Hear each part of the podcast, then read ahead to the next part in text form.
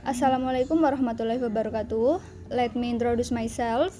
I'm Arda Wahisa Putri. I will answer the speaking exam of part 1, part 2, and part 3. Okay, part 1. In order to stay fit, I always maintain my immune system by drinking 8 glasses a day, do some exercise, and consume healthy food.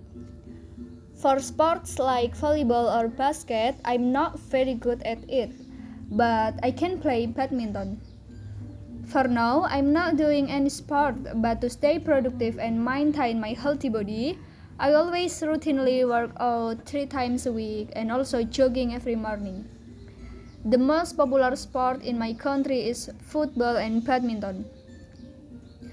Then is part 2.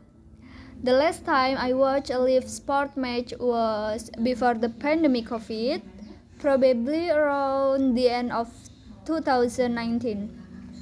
There, I watched my friend's basketball team against another team. This match was held as part of the annual friendly match at the end of the year. This match is held on December in Purwokerto. I'm sorry, but I forget who won. This match was very stressful because all the players were smart, their movements are very fast and little aggressive. And then part 3. As I said, in order to stay fit, I always maintain my immune system by drinking 8 glasses a day, do some exercise, and also consume healthy food.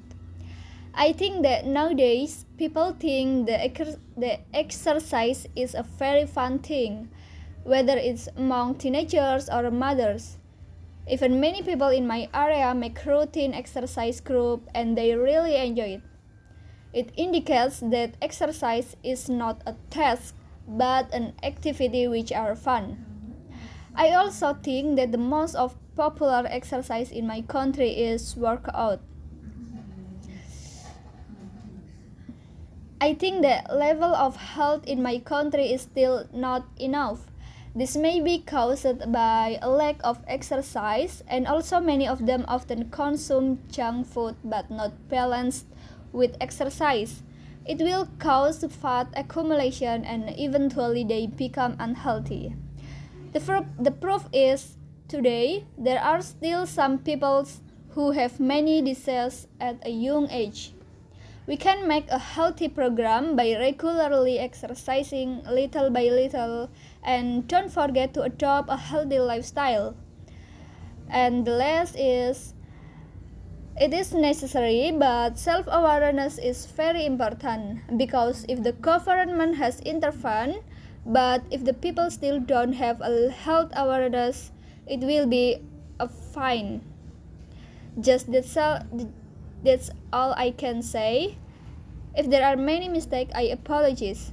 Thank you. Wassalamualaikum warahmatullahi wabarakatuh.